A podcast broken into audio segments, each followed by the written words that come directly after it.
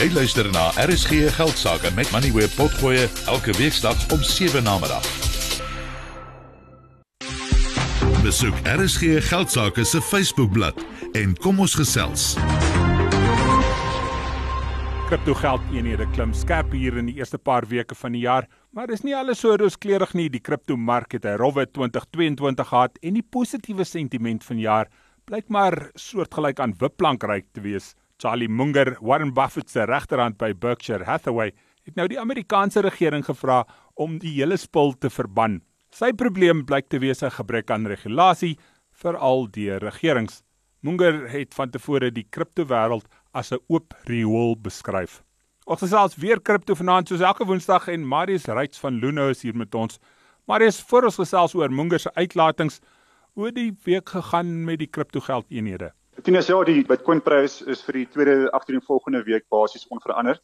Die prys staan tans op 23000 Amerikaanse dollar of min of meer 409000 rand.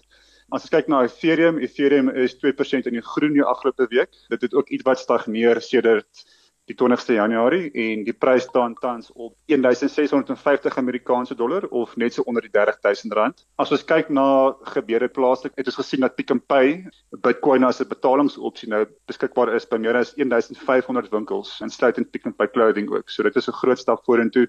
En dan in die res van die wêreld, die Britte het aangekondig dat hulle gaan strenger vereistes toepas op kriptoplatforms dit is ook 'n positiewe stap vir die industrie. Dit bied meer sekerheid vir die industrie vorentoe. Dit is net interessant dat as Brittanje nou so goed begin aanvaar dat die prys nie bietjie hoër gaan nie. Ek dink daar is so baie aankondigings op 'n weeklikse basis dat ek dink die markte faktor reeds aankondigings in deur die Britte, die Amerikaners en so voort. So ek dink die prysbewegings tans is grootliks as gevolg van bewegings in inflasie. Ek dink daar's maar 'n mate van korrelasie met uh, aandelemarkte en soos altyd op die kort termyn is dit regtig moeilik om te voorspel hoe die pryse gaan beweeg. So Charlie Munger van Berkshire Hathaway vra die Amerikaanse regering om kriptogeld eenhede heeltemal te verban. Wat dink jy van die stelling? Dis nie asof hy nie al van tevore 'n bietjie krities of baie krities was teenoor kripto nie. Hy het al voorheen uitgevaar. Sy argument is dat Bitcoin word nie gerigsteen deur 'n onderliggende bate nie en daarom kan dit nie waarde hê nie.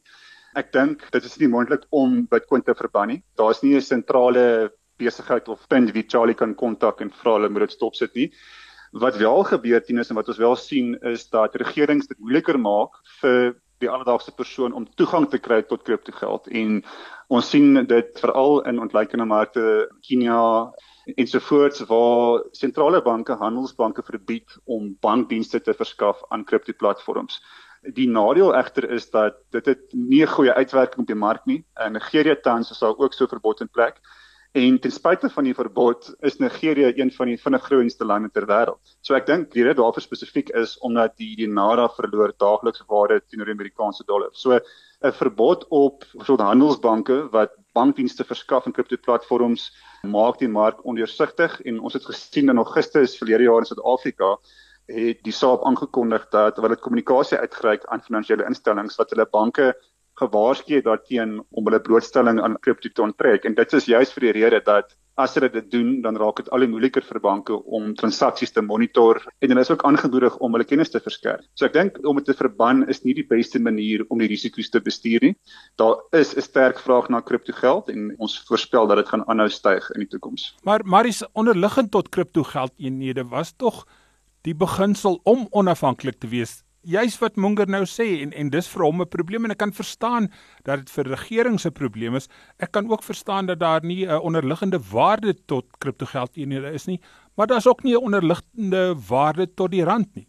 Nee, verseker Tinus, ek dink die argument is dat as iets waardevol is vir iemand, in die geval van kriptogeld, kan dit wees dat iemand dit gebruik as 'n betalingsmiddel. Hulle heg waarde daaraan die feit dat hulle goedkoper en vinniger geld kan beweeg of as iemand dit sien as 'n stoor van waarde. Hulle voel dat Bitcoin se vooruitsigte is meer stabiel teenoor 'n plaaslike geldeenheid, dan heg mense waarde aan dit. Daar's 'n prys wat jy bereid is te betaal vir dit en dis hoekom Bitcoin 'n uh, prys het. As ons kyk na regerings, die meeste nuwe tegnologieë soos kriptogeld se pad kruis ergens met reëls en regulasies. En ek dink in baie gevalle is dit positief as ons kyk na Uber byvoorbeeld en ook Airbnb het dit eintlik hulle gehelp om hulle besighede uit te brei. So ek dink die uitgangspunt van van ons kant as Balino is dat die fokus moet meer wees op die aktiwiteite wat kriptoplatforms bied. So met ander woorde, die fokus moet wees op die verskaffers en die tussengangers en dit sal verseker dat beleggers beskerm word. Dit verskaf sekerheid in die industrie en is ook goed vir innovasie. So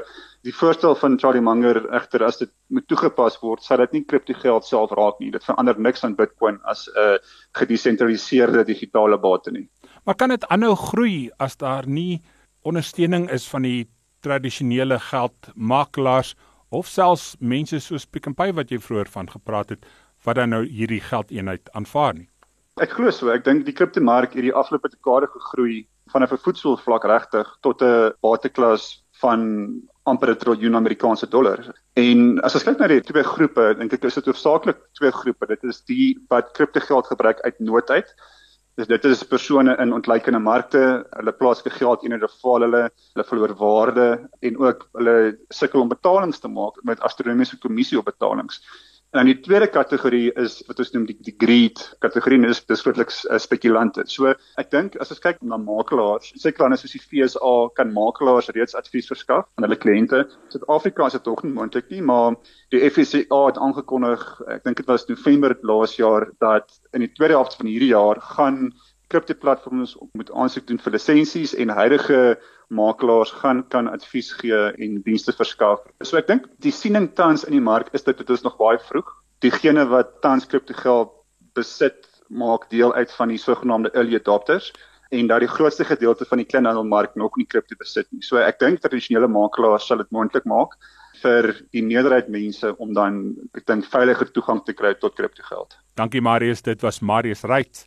Afrika bestuurder van Luno. Ons is oor ons tyd. Dankie Johan Gous van Sasfin Wealth vir jou insette vanaand. Van my Tinus die Jager, dankie dat jy vanaand saamgeluister het. Hierdie program is aan jou gebring deur Absa.